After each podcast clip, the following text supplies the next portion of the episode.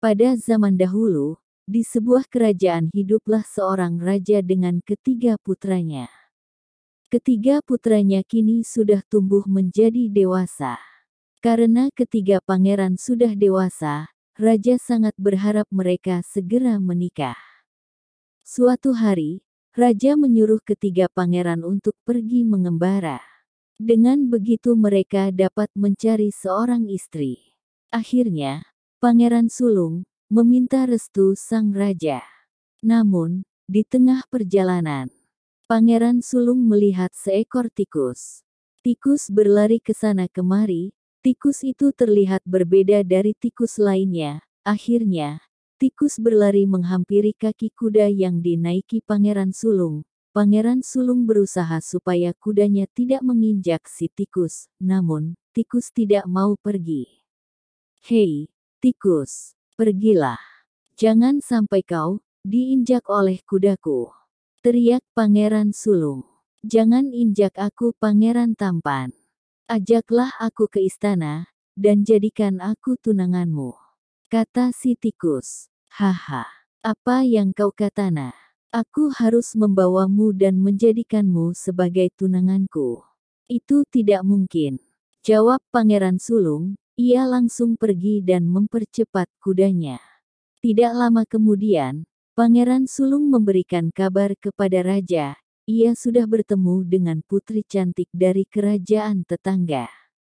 Setelah mendapat kabar baik, pangeran kedua langsung pergi mengembara. Sama persis seperti Pangeran Sulung, ia bertemu seekor tikus. Tikus memohon untuk dijadikan tunangannya. Pangeran kedua tidak megiraukan dan langsung pergi dengan cepat. Pangeran kedua pun berhasil bertemu dengan putri dari kerajaan lain. Akhirnya, Pangeran bungsu meminta restu raja untuk segera pergi mengembara dan membawa putri cantik.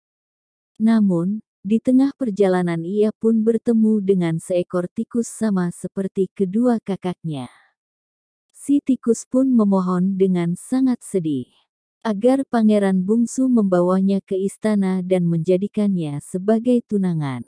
Pangeran bungsu merasa sangat kasihan melihat si tikus memohon. Ia bersedia menerima si tikus.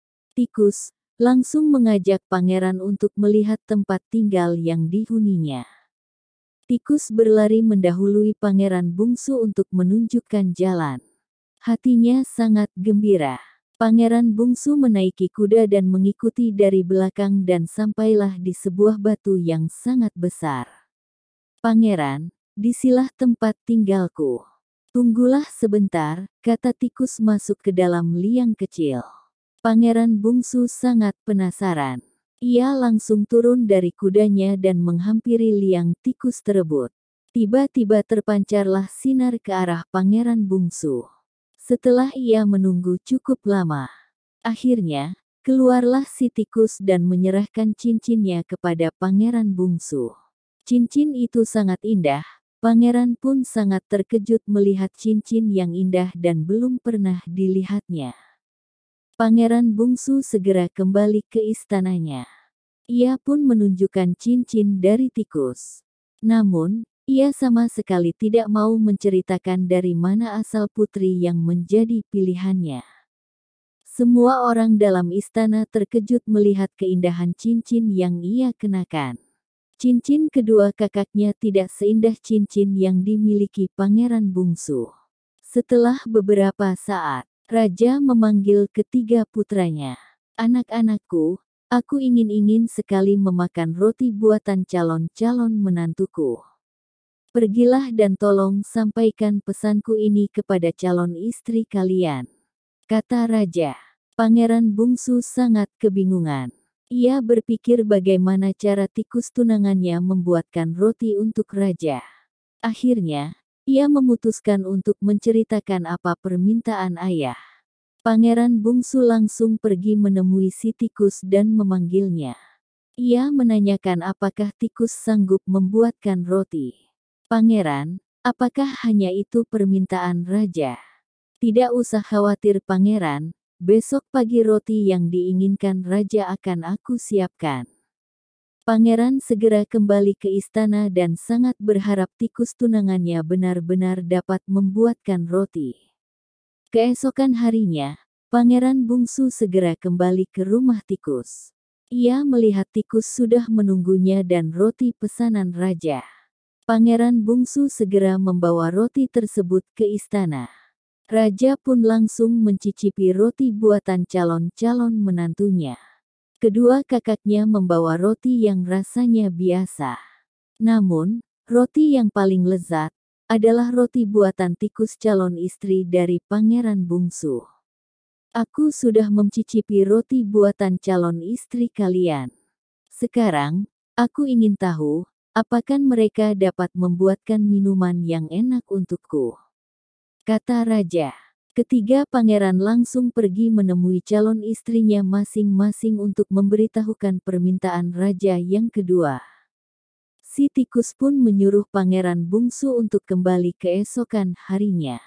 Keesokan harinya pangeran bungsu kembali, dan ia melihat sebuah pot emas dan dihiasi batu-batu mulia, sudah siap. Ketika tutup pot dibuka, terciumlah bau yang sangat wangi dan segar. Raja pun langsung mencicipi minuman itu. Namun, Raja tidak pernah minum minuman sesegar dan seenak buatan si tikus. Raja sangat bahagia. Kalian bertiga, sudah berhasil mendapatkan calon istri yang baik. Namun, putra bungsu tunanganmu lah yang terbaik. Roti dan minuman buatannya sangat enak, kata sang raja.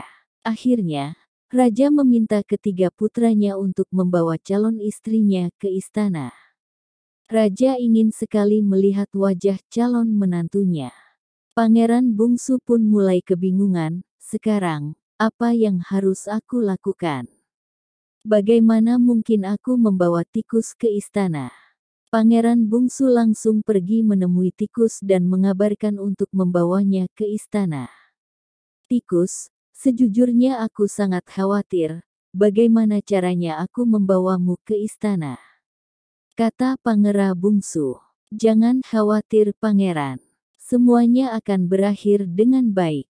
Namun, pangeran harus menuruti semua yang aku katana.